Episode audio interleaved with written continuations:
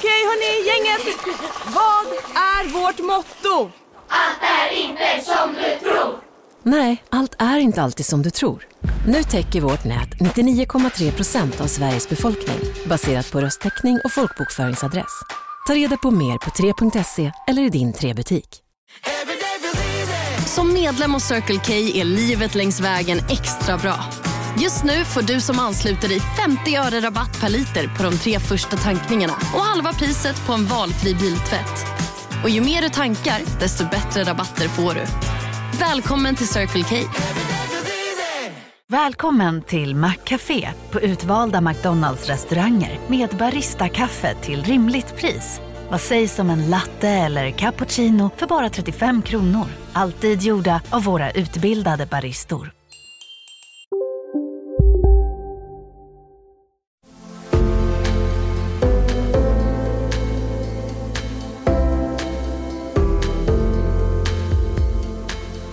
Behålla svensk kärnkraft och bygga ny kärnkraft. Det är en otroligt stark signal till svenska folket att en ny energipolitik är fullt möjlig. Det här handlar om en tydlig omläggning, att kärnkraften är välkommen, att den är nödvändig. Pekar ni med hela handen här och säger att ni måste bygga eller upphandla nya reaktorer? Eller är det ledningen i Vattenfall som tar beslutet? Om jag får bestämma så pekar vi med båda händerna.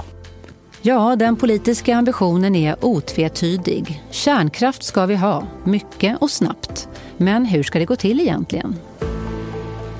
Varmt välkomna till det allra första avsnittet av Kvartals nya podd Djupet. Jag heter Åsa Julin. Jag är journalist sedan många år tillbaka på bland annat SVT, Sveriges Radio och TV4. Men från idag en ny röst här på Kvartal. Innan vi sätter igång, den här veckan har det kommit nyheter om Kvartal som mediehus. Jörgen Wittfeldt, chefredaktör på Kvartal, du är med här i studion. Idag när vi spelar in det här så lanseras ju nya Kvartal. Mm. Eh, vad innebär det här och hur kommer det märkas för lyssnarna och läsarna? Rent konkret så innebär det att idag springer folk som tättingar här utanför poddstudion för det är väldigt mycket som ska klaffa just idag. Men det, när, när den här podden är tillgänglig då är ju det historia och vi hoppas att det har gått bra eh, när ni som lyssnar hör det här. Ni har väl förmodligen också, om ni har tittat på sajten och kanske lyssnat på någon annan podd, hört det nya eh, som är att Kvartal blir ett prenumererat mediehus där eh, vi går från de här frivilliga gåvorna som har tagit oss hit till att istället eh, satsa på en prenumerationsmodell och syftet med det är att vi ska kunna få förutsägbara intäkter, kunna växa snabbare, för det vill vi ju. Mm. Om vi går till eh, den här podden då, Djupet. Eh, här är ett format som vi har tagit fram tillsammans. Vad hoppas du som chefredaktör att det här ska ja, bidra med i den övriga eh, buketten av poddar? Eh, det här är en gammal älsklingsidé som vi har haft länge men aldrig riktigt kommit till skott med. Vi tycker att den passar perfekt i buketten av blommor som kvartalspoddar är. Eh, ingen av de andra poddarna går ju riktigt så mycket på djupet som vi har tänkt att göra här. Syftet här är att välja ut en fråga som alla inom citattecken pratar om. En, en fråga till exempel energipriser, energi, kärnkraft. Det är ju det vi har valt idag då. Och så ska vi bjuda in folk som kan mycket om det och så ska vi försöka nörda ner oss och lära oss så mycket som möjligt. Det är inte tanken att vi ska ha någon konflikt utan eh, här är det kunskap i fokus och lyssnarna också faktiskt. Ju. Mm. Och nu är det dags att sätta igång. Vi ska ner i djupet i kärnkraftsfrågan med hjälp av Desiree Komstedt är affärsutvecklingschef för kärnkraft på statliga Vattenfall. Hon har under många år arbetat med strategisk utveckling för frågor kopplade till kärnkraftens hela livscykel. Kalle Berglöf är kärnkraftsexpert på branschorganisationen Energiföretagen som representerar 400 energiföretag. Han är doktor i reaktorfysik med inriktning på framtidens kärnkraft. Ane Håkansson är professor i tillämpad kärnfysik och föreståndare för det nystartade kompetenscentret Anita vid Uppsala universitet där syftet är att samla akademisk och industriell kärnteknisk kompetens för att, som han säger, slippa skjuta från höften härifrån och framåt. Mm, då säger jag varmt välkomna till er då, Ane, Desiree och Kalle. Ni ska få bringa lite ljus i, eh, över kärnkraftsläget så vi slipper skjuta från höften, eller hur var det Ane? ja, vi har låtit oss hoppas att vi slipper det. Ja. Mm. I vilken mån har vi gjort det tidigare? Ja, eh, det är en bra fråga kan man ju tycka då, men det är klart att, att eh, energipolitiken har ju under väldigt många år kännetecknats av en eh, ska vi säga, ad hoc-mässighet som inte är särskilt väl ska vi säga, kopplad till den verklighet som vi har att leva i. Då. Långsiktighet, stabila elnät och, så vidare. Då. Mm. Kalle Berglöf, vilken, vad säger du? Vilken, hur mycket behöver vi ett starkare kunskapsläge? Gällande de här frågorna? Ja, mm, om man ehm, breddar blicken lite så kan man konstatera att kärnkraften har levt under en osäkerhet under väldigt lång tid. Och det har ju påverkat eh, människors vilja att utbilda sig inom kärnkraft och, och, lära sig mer om kärnkraft och gå eh, akademiska utbildningar inom kärnkraft. Det, såklart finns det en koppling däremellan mm. som har varit till, till nackdel för kärnkraftens del. Vi ska återkomma till det lite alldeles strax. Eh, Desiree Komstedt, eh, Vattenfall, politikerna pekar med hela handen och det är Vattenfall som ska ta eh, bollen helt enkelt nu. Eh, I vilken mån ändrar strategin? Det ändrar inte vår strategi överhuvudtaget, utan Vattenfall har ju under en längre tid haft en strategi om att eh, bli fossilfri inom en generation och hjälpa samhället i den omställningen, att möjliggöra ett fossilfritt liv. Och där är ju kärnkraften en jätteviktig del i det det är ju ett av, av de fossilfria kraftslag som vi faktiskt redan har i Sverige idag. Mm. Vi ska som sagt återkomma till allt detta. Men jag skulle vilja introducera ytterligare två personer. Vi har ju med oss två av Kvartals lyssnare som vi kommer ha varje gång eh, den här podden sänds. Denna gång är Marianne Berg och Oskar Forsström som är med oss, Kvartals lyssnare. Eh, Marianne, eh, du är, bor i Stockholm, pensionär, tidigare verksam som socionom inom kommunikation och kriser. Vad är, du, vad är din ingång i kärnkraftsfrågan? Vad är du nyfiken på? Jag är jätteenergiintresserad, så är det. Vi har alldeles nyss satt solceller på våra tak och jag har drivit det inom familjen. Men jag var också en gång i världen aktiv inom folkkampanjen Nej till kärnkraft, hundra år sedan ungefär. Och idag tänker jag att det är så att um, klimatproblemen är så stora att nu måste vi dra i alla trådar vi kan. Och jag tänker att kärnkraften är en av de trådarna. Jag vet inte, jag är osäker. Och jag vet absolut ingenting om SMR. Mm. Du ska få lära dig mer om det under den här eh, närmaste timmen. Eh, Oskar Forsström, du bor i Göteborg, du är IT och managementkonsult eh, du menar att man under valrörelsen försökte göra svåra frågor till enkla. Det kanske du inte är ensam om. Vill du utveckla? Nej, men i valrörelsen handlade det väldigt mycket om bygg kärnkraft så löser vi allt. Bygg vindkraft så löser vi allt. Jag tror frågorna är mer komplicerade än så. Vi har haft ett väldigt bra energisystem i Sverige. Vi har en industri och en arbetsmarknad som kräver att vi har ett bra industri, eh, energisystem. Hur ska vi komma tillbaka dit? Eh, jag tror också kärnkraft är en en pusselbit, men hur, eh, hur tittar vi på de pusselbitarna och inte minst är det här något vi kan utveckla på en marknad så att vi kan bli ledande inom det här området som vi en gång var. Mm. Utmärkt, vi ska ta med oss de frågorna och ni kommer tillbaka lite senare i programmet. Men nu eh, sätter vi igång helt och hållet.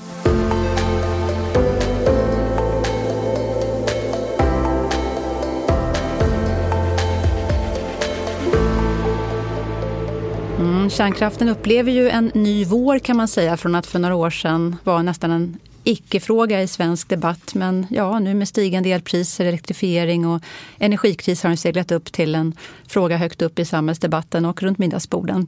Eh, nytillträdda regeringen sätter ju också stort hopp till kärnkraft och då också på små modulära reaktorer, SMR. Men vad är det som krävs för att få de här reaktorerna igång och vilka hinder kvarstår? Det ska vi prata om idag. Om jag börjar med att fråga er, ni får svara bara mycket kort på den här frågan, alla tre runt bordet. Eh, om hur många år har vi nya kärnkraftverk på svensk mark? Desiree? Ja, får vi förutsättningarna som vi behöver på plats så svarar vi att vi kan ha kärnkraftverk på plats någonstans tidigt 2030-tal. Tidigt 2030-tal, så ungefär om tio år då? Mm. Mm. mm Kalle Berglund? Ja, jag säger två mandatperioder då, som är lite diffust mm. eh, för att undvika att prata år. Lite Men ett, ett, en mandatperiod för licensiering och en mandatperiod för att bygga. Arne Håkansson, vad säger du? Ja, ska jag vara optimisten i det här gänget då så, alltså frågan är inte helt entydig. Alltså det beror lite grann på vad vi pratar om för typ av reaktorer och var de ska vara och så vidare. Eh, men i allra bästa fall så skulle vi nog kunna ha en SMR på plats på någon befintlig sajt inom 4-5 år skulle jag säga. 4-5 år redan? Mm. Vi ska titta närmare på vilka eh, hinder och vad som krävs att säga för det. Men om vi tittar på dagsläget nu och vad som lett fram till där vi är nu. Eh, vi har ju sex kärnkraftsreaktorer i drift i Forsmark, Ringhals, Oskarshamn. Byggdes under 70 och 80-tal. Producerar ungefär en tredjedel av den el som används idag. Eh, om man bara skulle sammanfatta, hur viktig är den kärnkraft som vi har idag för ja, vår energi? Desiree? Ja, men den är otroligt viktig. Den utgör ju grunden i den planerbara kraft som vi har. Och vi har ju ett, eh, ett elsystem i Sverige där vi har en utbyggnad av väderberoende kraft som gör att vi får mycket el i systemet när det blåser. Och för att kunna balansera det de timmar när, när vi har, eh, där vi inte blåser så mycket, då behöver vi ha den kraften som, vi, som är planerbar, som är sti, eh, stabil och som kan robust leverera dygnet runt året om. Så, mm. så att, det är ett, ett jätteviktigt bidrag och den är också placerad i de prisområdena som ligger ner mot södra Sverige. Där vi eh, inte har vår vattenkraft på, i samma utsträckning som i norra Sverige. Så att, det, det är som du säger en, en tredjedel av Sveriges produktion så att, den är vi rädda om. Mm. Eh, om man ser till hur ehm, den inställning som, som har funnits till kärnkraft till för inte så väldigt länge sedan. Eh, du var inne på det tidigare, Kalle, även du, Ane. Eh, hur, hur långt tillbaka ska vi, om vi ska förstå kärnkraftens ställning några år tillbaka, hur långt tillbaka ska vi gå för att hitta en sorts startpunkt, Ane? Ja, ganska långt då får man väl ändå säga. Vi, vi, alltså, ursprungliga planen var ju faktiskt 24 reaktorer här i landet. Då. Eh, men eh, sedan så, så förhandlades det antalet bort och redan där kan man ju då ana så att säga, en politisk eh, eh intervenering i det som rent tekniskt kanske hade varit det bästa då. Så man förhandlade bort 12 reaktorer och kvar blev då de här kvarvarande 12 reaktorerna som vi nu har lagt ner sex av. Då. Och då pratar vi ju någonstans i början på 70-talet, något i den där stilen. Då. Och jag tror det var 76 någonstans där så, så landar man då i ett beslut om 12 reaktorer istället för de här 24 som man har tänkt sig från början. Då. Och du menar att 24, hade det varit det bästa rent tekniskt då? Eller hur menar du att det hade varit? Ja, det är klart att eh, utifrån min horisont sett så tror jag att det hade varit ganska lyckat då. Men, men eh, som sagt var, någonstans där i mitten på 70-talet så kom det ju upp en, en rörelse mot kärnkraften som i princip egentligen då inte handlar om att den var livsfarlig eller något i den där stilen som man sen då anklagar den för. Utan det var ju det helt enkelt att det passade inte det dåvarande politiska paradigmet. Då skulle man ha småskalighet. Kalle Berle, håller du med om den historiebeskrivningen? Um, jag får väl hoppa fram lite i tiden. Jag föddes 1980, årsbarn med folkomröstningen. Så att jag, jag kan väl fortsätta berättelsen där då, lite grann. Men eh, vi känner ju till utgången av den folkomröstningen. Eh, och, och, den har ju satt sina spår i, i många regeringar därefter. Så att ända sedan 1980 har vi haft regeringar som i olika mån då har, har, eh, har gett en osäkerhet kring kärnkraftens eh, fortlevnad. Så det är egentligen först med den här regeringen som, som vi har en en regering som till fullo då ger, uttrycker stöd för kärnkraftens långsiktighet. Mm. Det är ju nu ett, en tid tillbaka, ett par år kanske, som det har, kärnkraften ändå har eh, liksom kommit upp på, så här högt upp på agendan. Vad var det som hände där egentligen, Desiree? Men jag, jag tycker att det, det vi ska komma ihåg är att vi har haft eh, ett par decennier av en ganska stabil efterfrågan på el.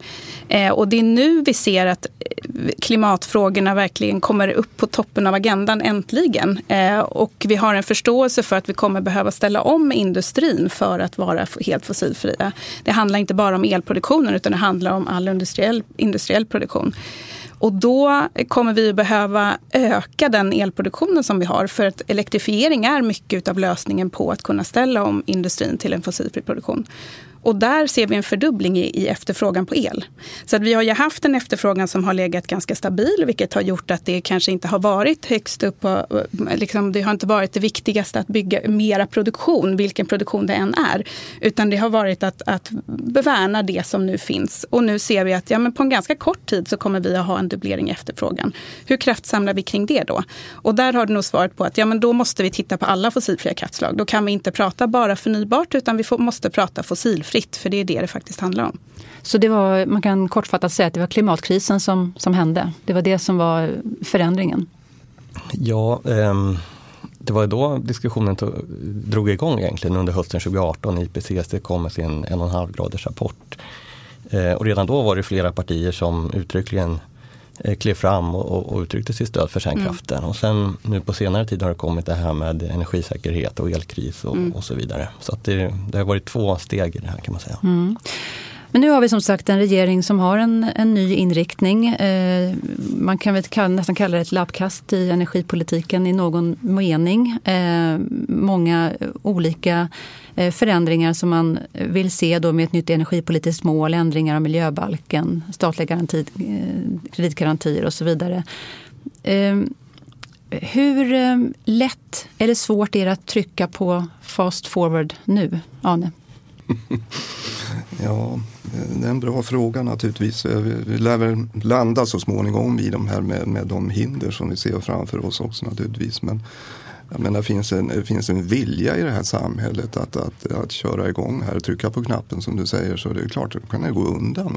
Jag menar, vi rullade ut eh, 12 reaktorer inom loppet på 13 år, alltså ut på nätet här i Sverige.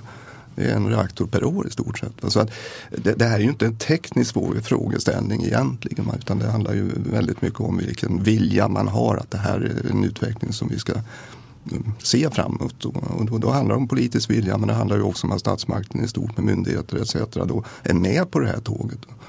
Eh, så att det är väl det här nu man måste liksom starta eh, en process. Då. Eh, absolut, och sen är det ju så här, det, det, det, Strålsäkerhetsmyndigheten har ju faktiskt ett uppdrag då från den förra regeringen att titta över kompetensförsörjningsproblemet och Kalle var ju inne på det. Alltså vi har ju jättesvårt idag alltså att hitta ungdomar som är intresserade sig att sig inom det här fältet. Eh, inte för att de saknar intresse för kärnkraften, för de tycker det är jättesexig teknik. Men jag tror inte att de får något jobb efteråt. Mm. Så där har man ju en flaskhals och rang skulle jag säga. Hur, hur tillförsäkrar man kompetens i det här landet i framtiden? Mm. Om vi börjar med um, regelverk som, som nu ska ändras enligt tidavtalet. Eh, vad, hur, det är en rad olika saker som, som man ska gå in på, Kalle. Hur långt kommer man med dessa, eh, dessa saker? Mm. Eh, det viktigaste är ändå att eh, man ändrar det politiska målet till ett fossilfritt, helt fossilfritt elsystem. Eh, för det påverkar myndigheternas arbete i grunden. Då. Så det har väldigt stor betydelse. Sen så har också stor betydelse skrivningarna i miljöbalken kring hur många reaktorer man får bygga och var de får byggas. När det gäller just små modulära reaktorer så är det viktigt för att om det finns en gräns på 10 och då, då incentiverar det egentligen att man ska bygga stora reaktorer. Så att, ehm, det är väl det första steget att ändra det. Mm. Desiree? Nej, men jag håller med. Eh, tittar vi bara storskalig kärnkraft, ja, då, då, då, skulle vi kunna komma ganska långt med de föreskrifter och de regelverk som vi har. Så där handlar det mycket mer om den politiska viljan och egentligen det samhällskontraktet över mandatperioder som du pratar om, Kalle, som behöver till för att det ska komma på plats, för att det ska finnas investerare som är intresserade och så vidare. När det kommer till SMR, ja, då, då är det lite andra förutsättningar, men eh, som lagändringar om vart den kan placeras och så. Men, så att, eh, det finns eh, väldigt eh, väl beskrivet om vad, vad, som behöver ske och vad som behöver komma på plats. Och jag, jag upplever också att det finns en, en mottaglighet för det. Så att, eh, jag tror att vi har goda förutsättningar att komma väldigt långt. Mm. Det som Ane var inne på, det här med kompetensbristen. Hur drabbar den vår förmåga att trycka på fast forward? Men den, är, den är avgörande skulle jag säga. Och den är avgörande för hela energibranschen där vi har otroligt många spännande projekt på gång i Sverige med eh, H2 Green Steel, eh, Hybrid, eh, Northvolt etc. Som, som alla eh, rekryterar jättemycket kompetenta civilingenjörer och det är ofta civilingenjörer som, som kanske jobbar i vår verksamhet eller äh, på andra energibolag. Så vi behöver se till att vi får en, en massa in underifrån nu från studenter och annat. Men när man pratar kärnkraft så ska man ju komma ihåg också att det är inte hela verksamheten som behöver vara reaktorfysiker.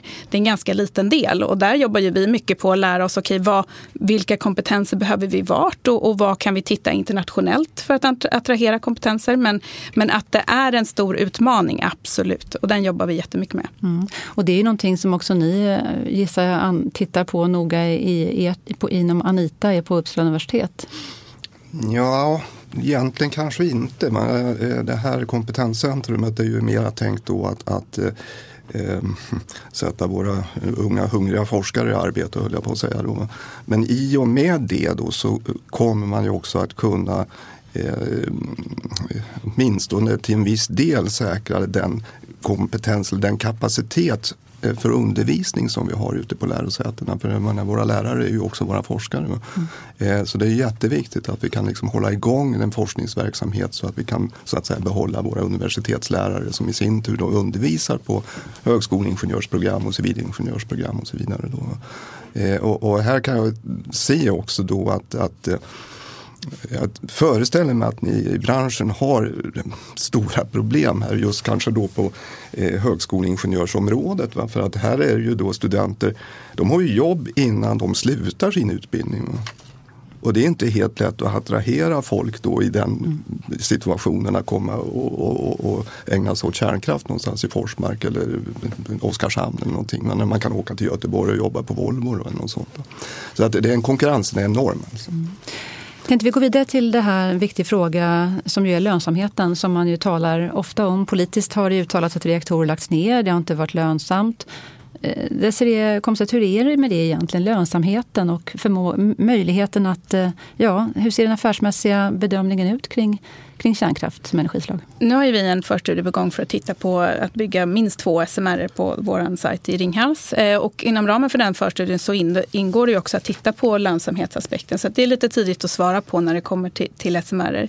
Tar vi vår storskaliga kärnkraft så den, den, den, som vi har i drift idag är ju såklart otroligt lönsam. Eh, och inte på grund av de elpriser som vi har utan på grund av att det är investeringar som, som man gjorde på en samhällsnivå för länge sedan. Och vi har en drift på dem som, som eh, idag vi har fattat strategiska beslut ska vara 60 år. Och det finns möjlighet att, att driva dem även i 80 år. Så att det, eh, ur det, den aspekten så är det ju eh, absolut ett, ett lönsamt kraftslag. Tittar vi på att bygga nya storskaliga reaktorer då, då tror jag att det är två aspekter. Dels behöver man titta på de marknadsförutsättningar som vi har. Där vi idag på den marknaden som man brukar kalla för energy only får betalt när, när man producerar el för att förenkla grovt. Så att få, vi, blåser vinden så får, så får vindkraftverk till exempel betalt.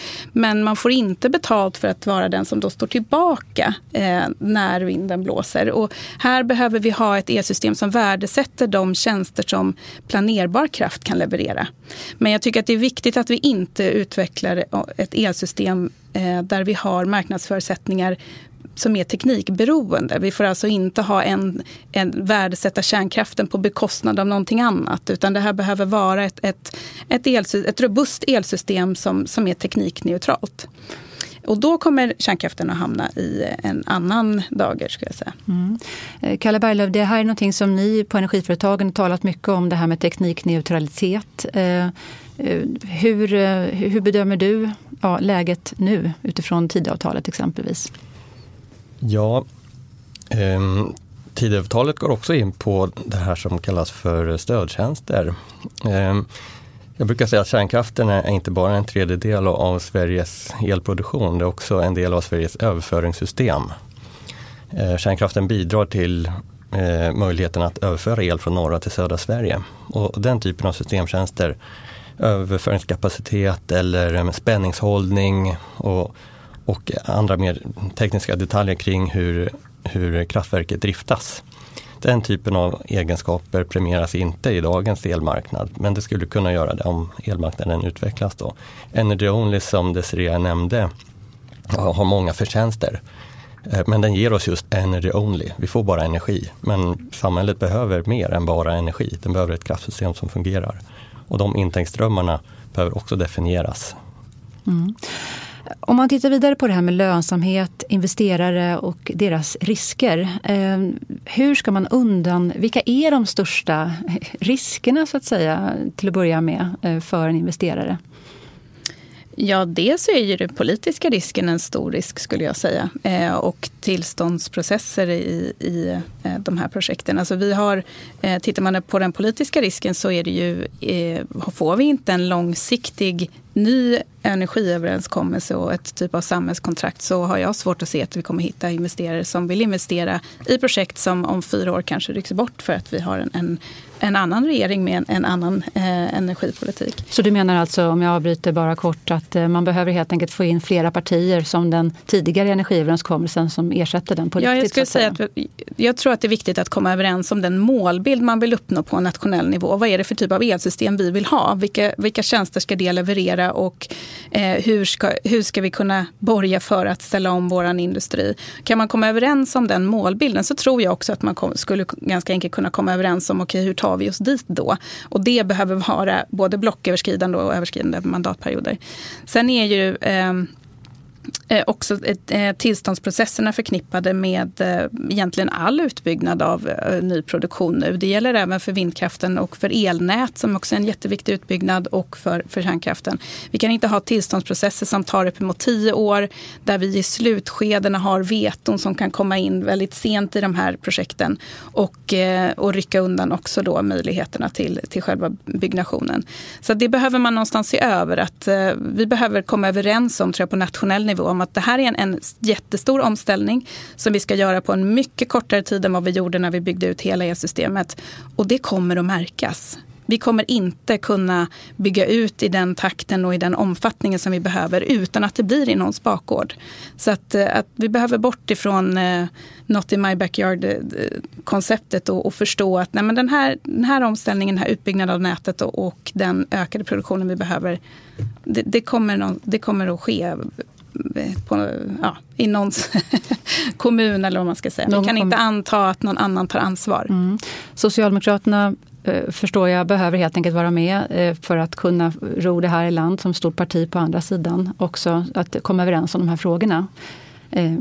Är det som du säger egentligen, när man behöver ha flera partier som, som kommer överens på längre sikt. Ja, vi behöver ha den långsiktigheten, mm. eh, skulle jag säga. Mm. Mm. Och det här Not in my backyard-diskussionen, det tar man ju också upp i Tidöavtalet lite grann kring att man, behöver, man behöver se över det. Hur ska man kunna... Ja, det, vi har ju sett problemen med vindkraften, eh, att det är svårt att eh, att, att få det byggt på olika ställen. Där pågår ju nu utredningar för hur man kan kompensera kommuner och så vidare.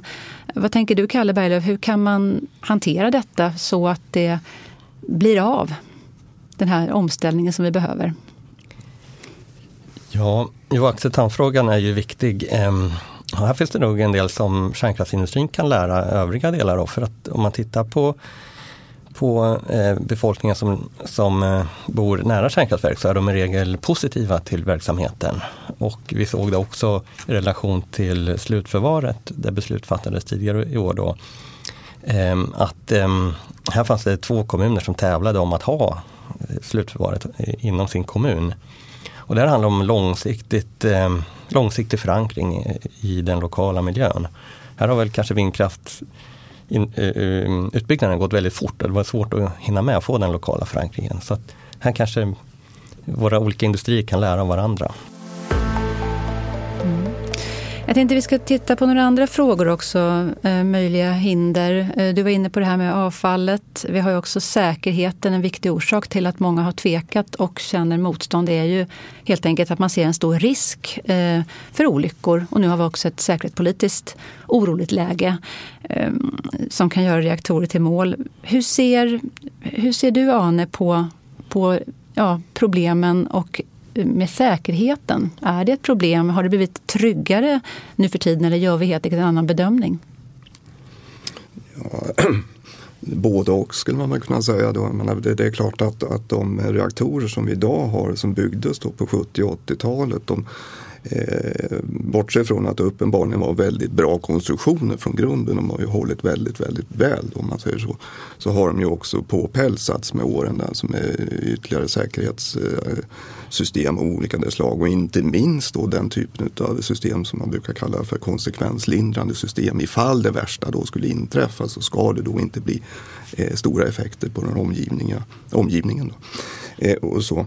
Eh, så att, eh, och jag menar sakligt sett om man tittar på hur kärnkraftens säkerhet så kan man väl konstatera att det är ju faktiskt någonting av det säkraste vi människor någonsin har ägnat oss åt.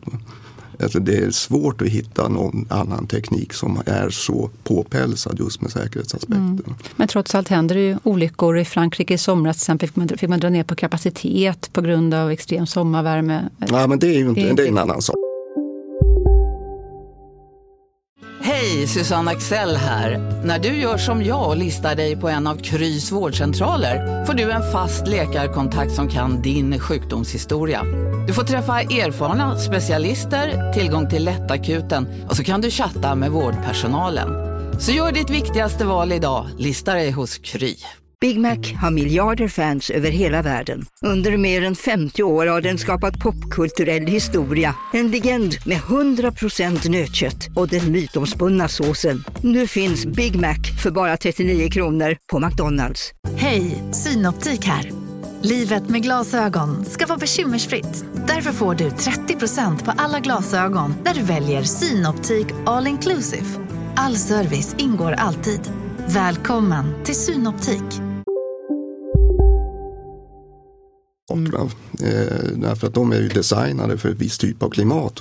Förändras klimatet så får man ju designa om kylsystemen då, så att det passar det nya klimatet. Mm. Konsekvenserna av en olycka är ju ändå eh, väldigt stora, eh, får man väl ändå konstatera, Kalle Berglöf. Hur, hur ska man se på säkerhetsaspekten när det gäller kärnkraft, tycker du, idag? Ja, här får man väl titta lite då på den utveckling som har varit som Arne var inne på.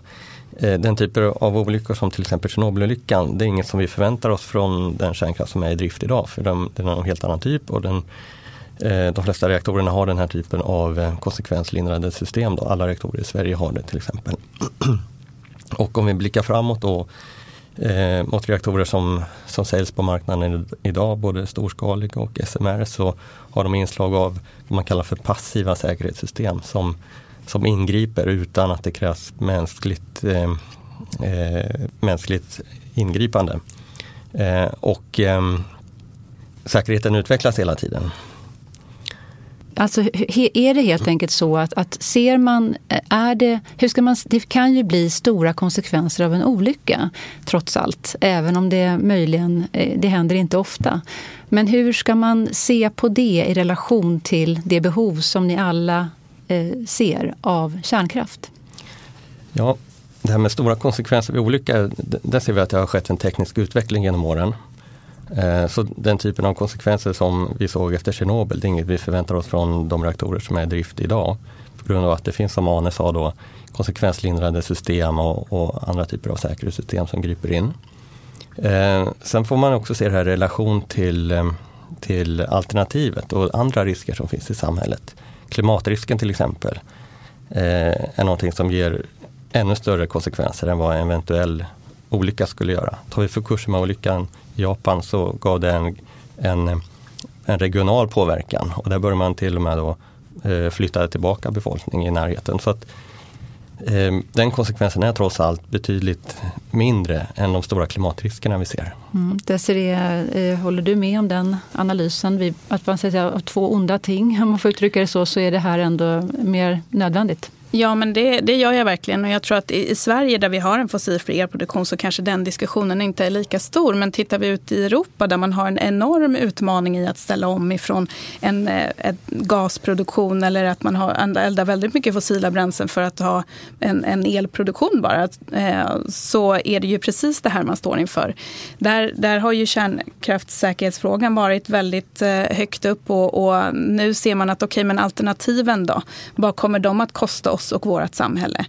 Eh, och sen så håller jag ju med om att eh, i vår eh, kärnkraft som vi har i drift idag så har vi ju eh, många dubblerade säkerhetssystem. Ehm, så att det är otroligt säkra anläggningar och dessutom så är det precis som ni säger också i de nya teknikerna som kommer så har vi de här inbyggda ehm, säkerhetssystemen där man redan i konstruktionen har byggt in det. Så att det, det är en säker teknik, det, det tycker jag verkligen.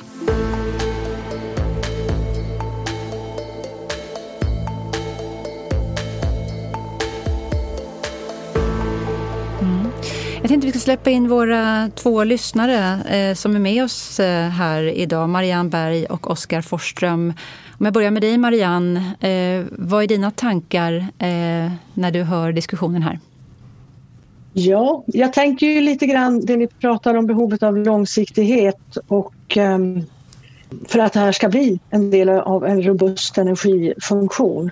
Och då tänker jag att eh, även om tekniken är så pass mycket säkrare idag så har det ju visat sig att varje gång när det har hänt någonting, till exempel på Kurseva eller eh, ja, vad ska jag säga, br- Vattenfalls bränder i Krümmel i, i Tyskland som, som knäckte eh, kärnkraften där, eh, så, så blir ju opinionen så stark emot. Och det tänker jag måste man ju också ta lite höjd för. Det handlar ju inte bara om att ni vet att det är säkert utan det kan ju lika gärna hända nu som det gjorde 1980. Eh, om, vi tar den frågan, om vi tar den frågan vidare direkt då. Eh, nu ja. har det inte varit någon olycka på senare tid. Eh, men det som Marianne lyfter här, opinionen kan vända snabbt om det sker. Eh, vad tänker ni om detta, Kalle? Ja, men det är såklart en, eh, en oro som man måste ta på allvar.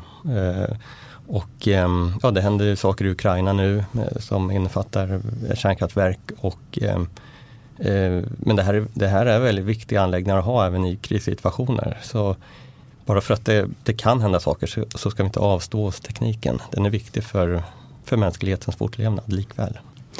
Ja, Marianne, vad tänker du om det svaret? Ja, jag tänker, eh, och det är väl egentligen en fråga mm. eftersom jag är här för att lära mig. Mm. Eh, när ni pratar om det här kompetensförsörjning och så, tar ni också höjd då för kompetens, inte bara inom teknik utan även inom riskpsykologi och opinionsbildning och så. För att eh, den politiska sanning som ni säger att behövs, den kommer ju kunna ändras jättesnabbt om det händer någonting. Desiree nickar här. Ja, men det, men det är helt riktigt Marianne. Alltså det är otroligt viktigt. Och, och, det som man kallar för MTO, alltså människa, teknik, organisation och säkerhetskultur och eh, den typen av kompetenser som, som ändå är kring det mänskliga och också kopplat mot stakeholder management och, och lokalboende och så vidare. Det är otroligt viktigt och det jobbar vi ju väldigt mycket med. Och som Karl sa tidigare, att det, det finns kanske till och med saker som andra industrier skulle kunna lära sig utav kärnkraften och kärnkraftskommunerna därför att där eh, är man väldigt duktig på det. Och tittar vi förtroendemässigt för, på kärnkraft och, och, så kan man också se att de kommuner som har kärnkraft i sin kommun där man kan mer om det och förstår och kanske därför inte tycker att det är lika obehagligt också har ett väldigt högt förtroende för, den, för det kraftslaget. Mm. och sen vill jag bara flika in att det, det var Fukushima framför allt som gjorde att, att, Tyskland ställde om och inte några bränder i Krimmen. Så att vi har det klart. Då har vi klart det. Ja. Oskar Forsström sitter också och lyssnar Vi kan ta en särskild diskussion om det. Ja. Oskar eh, Forsström, vad, vad tänker du? Har du någon fråga här till eh, panelen? Men jag är ju lite inne på det här hur vi kan komma tillbaka och bli duktiga på det här. Och jag tror kompetensförsörjningen är väldigt intressant eh, fråga att jobba med. Men om vi tittar på SMR-reaktorer, vi hör att Vattenfall är på gång och planerar och tittar lite mer på det. Hur ser planerna ut kring det? Eh, ja, vi har ju följt utvecklingen av SMR-tekniker länge. Vattenfall jobbar inte med teknikutveckling själva, men vi har ju sett till att nära följa den utveckling som har skett. Och SMR har ju utvecklats väldigt länge, men det är ju nu sedan 2018 ungefär som vi ser att det verkligen har tagit fart.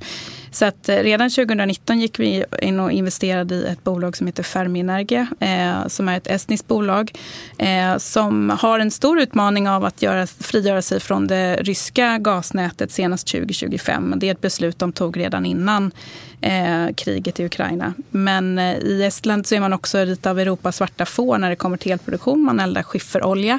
Så där är det ju verkligen den här eh, diskussionen om vad, vad, kan vi ersätta det med? Vilken typ av planerbar kraft? Och då ser man att SMR är, är en bra eh, källa, energikälla för det. Eh, så där har vi ju följt utvecklingen nära genom att vara med och göra studier åt det bolaget. Och nu har vi också en förstudie på gång eh, här i Sverige för att titta då på om det finns möjligheter att bygga SMR på sajten i Ringhals. Mm. Ja, nu vill du komplettera? Det som Marianne pratade om här, jag tror det är jätteviktigt, var nämligen den här acceptansfrågan då kring det här med olyckor och sådana här saker. Jag vill lite snabbare återkoppla till det. Och, Eh, eh, eh, och, och det här med konsekvenslindrande system, för det låter så abstrakt. Vad fasen är det för någonting då? Men jag kan ta ett, ex, ett exempel och, som har direkt bäring då på, på Fukushima. Och, och, det är ju det här, de här haverifiltren som man säger som vi har på de svenska anläggningarna idag. Så att om den typen av olyckor inträffar här i Sverige som den i, i Fukushima eh, så kommer det inte släppas ut någonting att tala om. Japan jag var själv på ett möte på IAEA när de sa det. De valde aktivt att inte ha den typen av eh, haverifilter för den typen av olyckor sker inte i Japan var budskapen 1992. Tio år senare fick man ju ångra det då. Eh, så att det är ett typiskt sånt här exempel med, med, med, med konsekvenslindrande system. Då. Mm. Eh, men, men sen håller jag med också eh, Kalle här att, att eh, kärnkraftsindustrin kan säkert lära andra industrier också. Och där tycker jag SKB faktiskt sticker ut alltså med deras outreach som de hade kring slutförvar och sånt. Jätteduktiga var de. Och deras strategi den är ju klockren. Att inte mörka någonting. Utan eh, lägga upp alla korten på bordet och dessutom motivera varför det här är viktigt för landet då, med slutförvar. Mm. Och då fick man människors acceptans för det. Alltså. Och jag tror att vi ser den här tveksamheten ute på vischan numera när, när vindkraftsbolagen kommer. Att man är tveksam till om man får rätt budskap från bolagen. Där. Det, mm. det, det, det är mitt intryck i alla fall. Mm. Jag vänder mig till Marianne och Oskar här igen. Väldigt kort nu, närmaste kvart, 20 minuter som vi har kvar här. Vad är viktigast att eh, få reda på tycker ni? Marianne? Jag vill veta varför SMR är bättre än de storskaliga gamla reaktorerna. Mycket bra, precis vad vi ska gå in på efter detta. Oskar, först du. Vad är de största hindren för att kunna bygga på andra platser än där vi har idag? Eh, mer lagstiftning, hur svårt kan det vara att ändra på det? Mm. Eh, mycket bra. Vi ska gå in lite närmare nu på SMR och små modulära reaktorer. Ja, Marians fråga där. Varför är SMR så bra? Varför är de bättre än de stora? Men eh, det är flera anledningar skulle jag säga, men en av anledningarna är ju att det är en, en mindre investering och en mindre risk, vilket gör att det finns flera, flera bolag som skulle kunna vara villiga att investera i den typen av kraftproduktion. Men sen när man tittar på själva tekniken med SMR så Ehm, är det ju också en skalbarhet som är väldigt fördelaktig, eh, där man kan seriekoppla förenklat då flera stycken reaktorer och eh, det blir inte lika känsligt i nätet om en producerande enhet skulle falla bort. Vi kan ju se nu, till exempel när vi har eh, Ringhals 4 ur produktion, att det får en väldigt stor påverkan. Har man flera mindre enheter så är det inte lika känsligt att ha en, en enhet i revision eller, eller ur produktion för att det inträffat någon incident. Sen är det ju en eh, en billigare produktion eftersom att du har en kortare eh, tillverkningstid. Eh, de är, är eh, serieproducerade så att de ska inte skilja speciellt mycket i, i, konstruktionen utan det är endast det som är kopplat till själva sajten där de ska stå eh, som skiljer dem åt. Annars så, så pratar man mycket om att, att de ska kunna produceras i princip på en eh, assembly line som inom bilindustrin. Eh, vilket gör att du kommer att få en, en, en betydligt kortare projekttid. Mm. Så eh, det är väl några av dem. Och sen är det de här integrerade säkerhetssystemen som vi pratade också som är en, en fördel.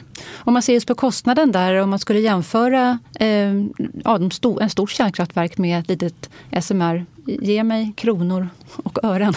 Vad kostar det? Men det är väldigt svårt att, att svara på eh, och det är lite tidigt att säga eftersom att eh, vi, eh, SMR fortfarande är under utveckling. Eh, så att den som kommer först nu och blir liksom first of a kind, den kommer inte att vara jämför, kostnaden för den kommer inte att vara jämförbar med de som vi kommer se komma i produktion efter. Så att den frågan är lite prematur och väldigt svår att svara på. Mm. Ane, vad har du för synpunkter på den? Ja, för det första så tror jag att man ska SMR, precis som Desiree säger, men det, det, kommer säkert finnas en massa eh, företagsekonomiska fördelar med den här tekniken på alla möjliga sätt. Och, eh, och det finns ju ingen anledning att tro att inte prisläget på de här SMR skulle kunna följa ungefär samma bana som för, för vindturbiner och sånt. Alltså first of a kind är alltid dyr och sen droppar det vartefter. Då givet att man kan liksom säkra upp leverantörskedjor och sånt, man får upp volymer och så så det är en sak. Men sen är det väl så här också att, att eh, ska man titta på storskalig elproduktion bara, eh, då, då skulle jag ju vilja peka på Vattenfall som kanske satsa på en stor reaktor, mm. stora reaktorer. För att det, det, då får du å andra sidan kanske mera, större effektivitet i, i, i det hela. Mm. Men det är det viktiga. Alltså SMR har ju också den fördelen att man lokalt kan till exempel producera hetvatten för fjärrvärmesystem eller vätgasproduktion eller vad det nu är.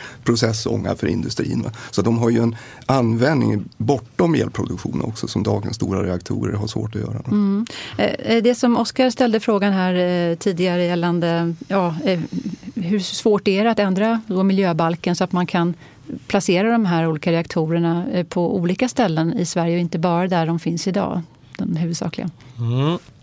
Ja, för det första om, om man vill få de här i drift snabbt så ska man nog börja på en befintlig plats. För där, där finns de flesta miljötillstånden mer eller mindre redo eh, och då går det snabbare att komma igång och bygga. Men eh, och ska man öppna en ny plats för ny kärnkraft eh, då, då måste man gå igenom hela Eh, den processen från grunden då eh, med miljöbalken och de skrivningarna som finns där generellt. Alltså, vilket gäller alla stora eh, verksamheter som ska etableras. Och där, där kan man säga att det finns en generell oro eh, inom näringslivet, alltså inte inom bara inom energibranschen utan generellt att eh, det finns en oförutsägbarhet kring eh, hur, hur projektet drivs i relation till miljöbalken. Så vi ser till exempel att små väldigt lokala effekter kan stoppa projekt som har stor klimatnytta.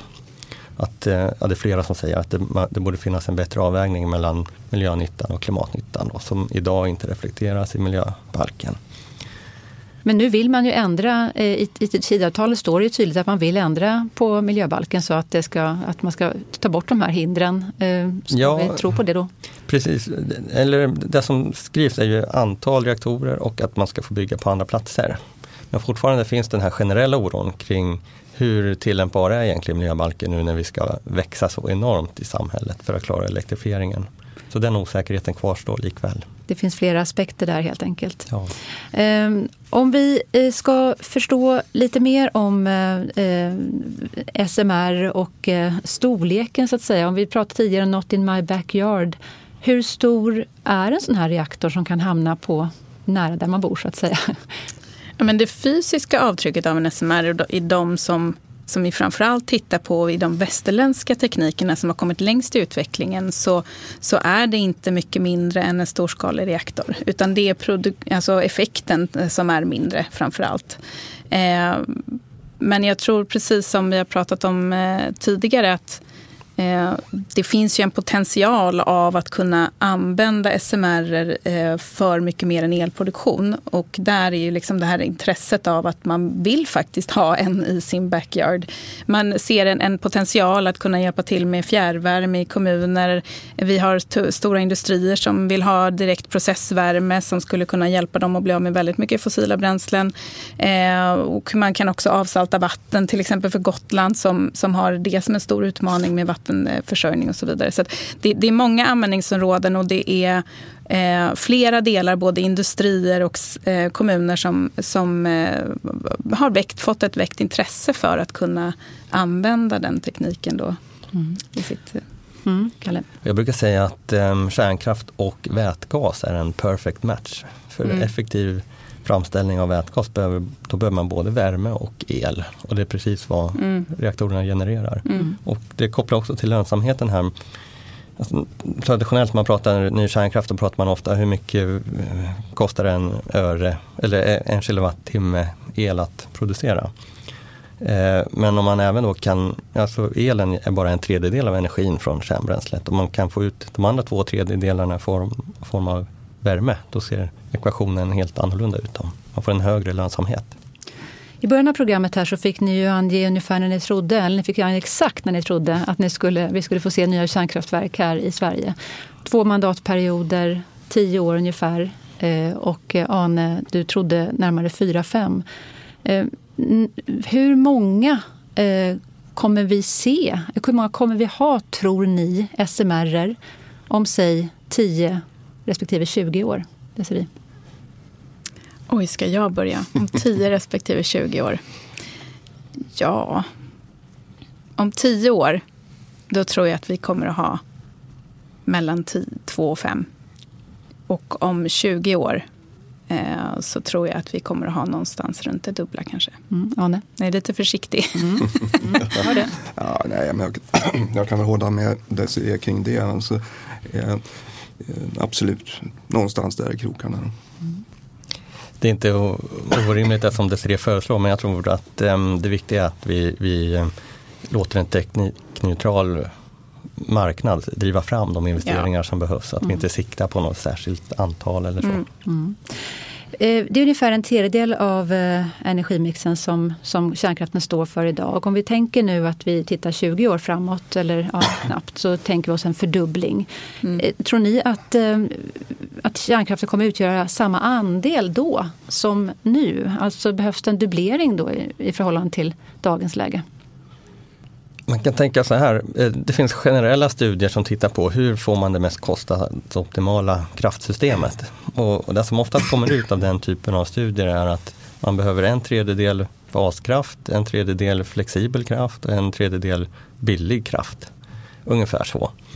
Ehm, och, och, det talar för, ja, i Sverige har vi ju vattenkraften som är flexibel, ehm, vi har vindkraften som, som är billig och, och vi har kärnkraften då, som, som kan bidra med, med eh, balansen i botten. Så att, eh, och vattenkraften kan vara lite både och. och så, så det, det, är svårt att, att, att, säga vad som är exakt för Sverige. Men ungefär den balansen, en tredjedel av de här olika egenskaperna. Då landar man i det som är ungefär kostnad, mest kostnadsoptimalt. Och har vi en marknad som driver mot det kostnadsoptimala så kan vi anta att det är något sånt vi landar i.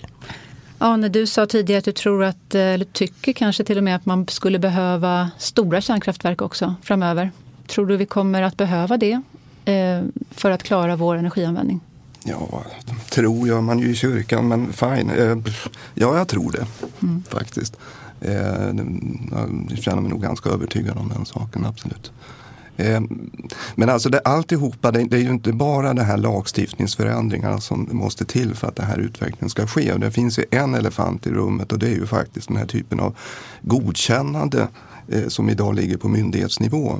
Eh, och där är vi ju långt ifrån en vettig lösning skulle jag säga. Alltså hur typgodkänner man de här eh, reaktorerna? Och jag skulle gärna vilja se en sån utveckling som vi har på bilsidan eller flygsidan och där då eh, europeiska flygmyndigheter accepterar amerikanska flygmyndigheters god, typgodkännande av flygplan och så vidare. Och samma gäller med bilar. Och, och, så att, för, för får vi inte till det och, och, att Sverige ska ha någon eget typgodkännande process för varje burk som vi sätter upp, alltså då blir det jätteproblem alltså, skulle jag säga. Då kommer vi inte se den här utvecklingen. Det pågår ju någon form av SMR-race får man väl säga runt om i världen. Eh, vad kan vi lära av andra länder, eh, Desiree? Men vi kan lära mycket. Framförallt så, så är det precis det som Arne är inne på här. Eh, vi kan lära oss av hur andra länder har kraftsamlat myndighetsmässigt för att någonstans få till. Om man tittar till exempel mot eh, Kanada som har kommit väldigt långt i, eh, i då resan mot att få SMR upp i drift så, så har man haft någonting som har hetat SMR Roadmap där man har kraftsamlat inom både energibolag, industrin, myndigheter, eh, leverantörer, eh, etc. etc. i att ta fram då hur ser, hur ser själva actionplanen ut för att kunna få SMR i drift i vårt land. Och då har man någonstans krokat arm. Inte varit beroende av varandra men, men haft samma målbild. Eh, och det tror jag vi kan lära oss mycket av. Eh, Ligger vi efter i Sverige? Nej, men vi har precis börjat vår resa. Jag skulle inte säga att vi ligger efter. Vi ska komma ihåg att den här efterfrågan, vi har väldigt mycket kraftproduktion i pipen som, som, som taktar med, med omställningen som vi står inför. Men, men någon gång bortom 2035 så börjar vi få en utmaning i att möta den ökade efterfrågan. Och, och då gäller det att vara redo. Eh, så att jag tycker att det är bra att vi har börjat nu.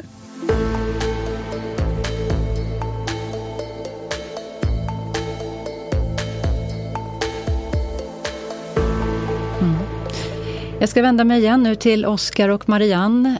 Eh, Oskar, vad säger du? Har du fått svar på några av dina frågor och har du någon ytterligare? Ja, men definitivt har jag det. Jag tycker det har varit väldigt intressant att lyssna på. Eh, en fråga kom just kring det här med typgodkännande. Vet vi om det arbetas på EU-nivå med något sånt? Det hade varit intressant att höra lite mer om. Eh, samt om man ser på lite längre sikt ändå, tror vi att vi kanske ser så att Volvo lokalt kommer ha en egen SMR som försörjer deras produktion och batteritillverkning. Mm. Vi börjar med frågan om typgodkännande på EU-nivå. Kalle?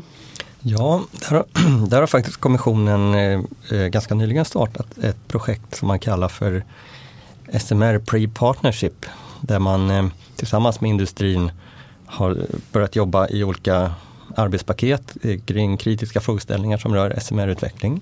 Och målet är att möjliggöra för medlemsstaterna att bygga SMR inom 5 till 10 år. Så att eh, här eh, har kommissionen faktiskt tagit ett steg i rätt riktning. Och om vi ser till din andra fråga Oskar om ja, Volvo eh, kommer ha sin egen SMR eh, och när kanske kan vara en följdfråga. Desiree? Ja, men, men där kan jag ju säga att vi har eh, redan på gång samarbete med, med stora industrier och, och tittar på förutsättningar och, och förstudier för att eh, ha en SMR eh, som ska kunna eh, leverera tjänster till deras produktion. Sen är det ju precis som jag sagt en, en, en, längre resa för det är många acceptansfrågor kopplat till det. Man måste förstå vad det innebär att vara en kärnkraftskommun och vi behöver vissa lagändringar på plats för att det ska kunna ske. Men intresset ifrån industrin finns verkligen. Så att jag ser det inte som otroligt. Mm. Marianne Berg, eh, vad tänker du? Har du någon avslutande fråga? Ja, alltså jag har massor med frågor, men de hinner vi inte med tror jag. Men det, det jag noterar är ju att Eh, som jag har lärt mig idag är att SMR kan användas även för ehm, annan produktion än elproduktion. Vilket jag tycker var glädjande. Och det var ju också en aspekt faktiskt redan 1980 att man ville använda liksom rätt energislag för rätt eh, ändamål. Och det kommer ju att krävas eh, framöver nu om man tänker på den industriella revolutionen i Norrbotten eh, eller hela norra Sverige. Så det tycker jag var glädjande att höra. Mm. Har du någon ytterligare fråga Marianne? Alltså, lite grann det här med avfallet som jag mm. tycker är en, jag har aldrig varit rädd för de här stora olyckorna men avfallet tycker jag fortfarande är en, en, fråga som jag kan oroa mig för. Är det någon skillnad kring SMR och de stora kärnkraftverken i farligheten eller är det bara mängden? Mm. Kalle, hur är det med det? Um, när det gäller eh, små modulära reaktorer av konventionellt lättvattensnitt, alltså den typen av reaktorer som vi har idag fast mindre, eh, så är det ungefär samma avfallsmängder som, som genereras. Eh, sen när man tittar på fjärde generationens eh, kraftverk och så, då, då, då, kan det vara så att även kylmedlet blir radioaktivt och måste sluthanteras och då blir det lite större volymer. Avslutningsvis då, eh, nu har vi talat om, om kärnkraft och eh, hur det ska utvecklas så att säga. Om ni skulle få, vi skulle leka med tanken att, eh, ja, om vi börjar med dig Kalle, om du tar över makten imorgon. Eh, och vad är det första du skulle göra då på det här området? Oj, ja.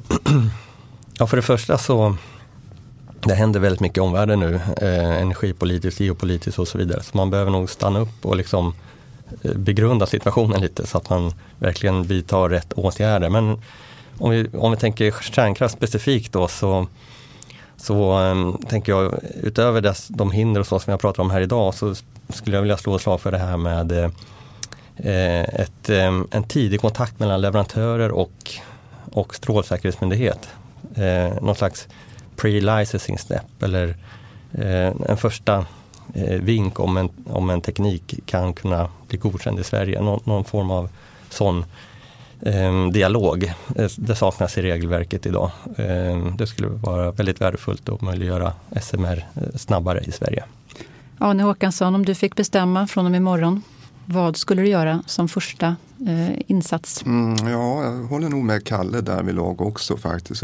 Alltså nota bene, vi har ett koncept, ett amerikanskt reaktorkoncept som har fått amerikanska licenser, typgodkännande.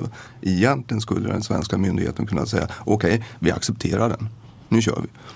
Eh, det, det, skulle väl kanske vara eh, en signal då, eh, från min sida. Men i övrigt så har jag stort förtroende för, för industrin i det här sammanhanget. Utan, eh, däremot så måste man nog satsa rätt mycket mer ute på landets lärosäten och ge dem incitament att starta utbildningar och bygga ut sin forskningsstruktur inom det här fältet. Mm. Desiree Komstedt, du får sista ordet här. Det första du skulle göra om du tog makten gällande detta område från och med imorgon? Ja, men jag tycker att det är viktigt att komma ihåg att vi kommer att behöva mycket mer utav allt. Alla fossilfria kraftslag och en enorm nätutbyggnad. Så jag tycker att det är jätteviktigt att se över tillståndsprocesserna. Både det som, som Kalle pratade om, men också tillståndsprocesser för, för var och eh, i vilken omfattning vi ska bygga ut. Eh, där behöver vi eh, få till en, en betydligt bättre effektivitet än vad vi har idag. Det får bli sista ordet i den här diskussionen. Tack så mycket Kalle Berglöf, Ane Håkansson och Desiree Komstedt och också våra lyssnare Marianne Berg och Oskar Forsström för att ni var med i det här första avsnittet av Djupet från kvartal. Nästa gång så ska vi prata om brott och straff. Och vill du som lyssnare vara med och ställa frågor till experterna här i studion, mejla oss då på event.kvartal.se. Skriv några rader om dig själv och vad som gör dig intresserad av ämnet. Men därmed sätter vi punkt. Vi tackar så länge. Hej då! Tack, tack.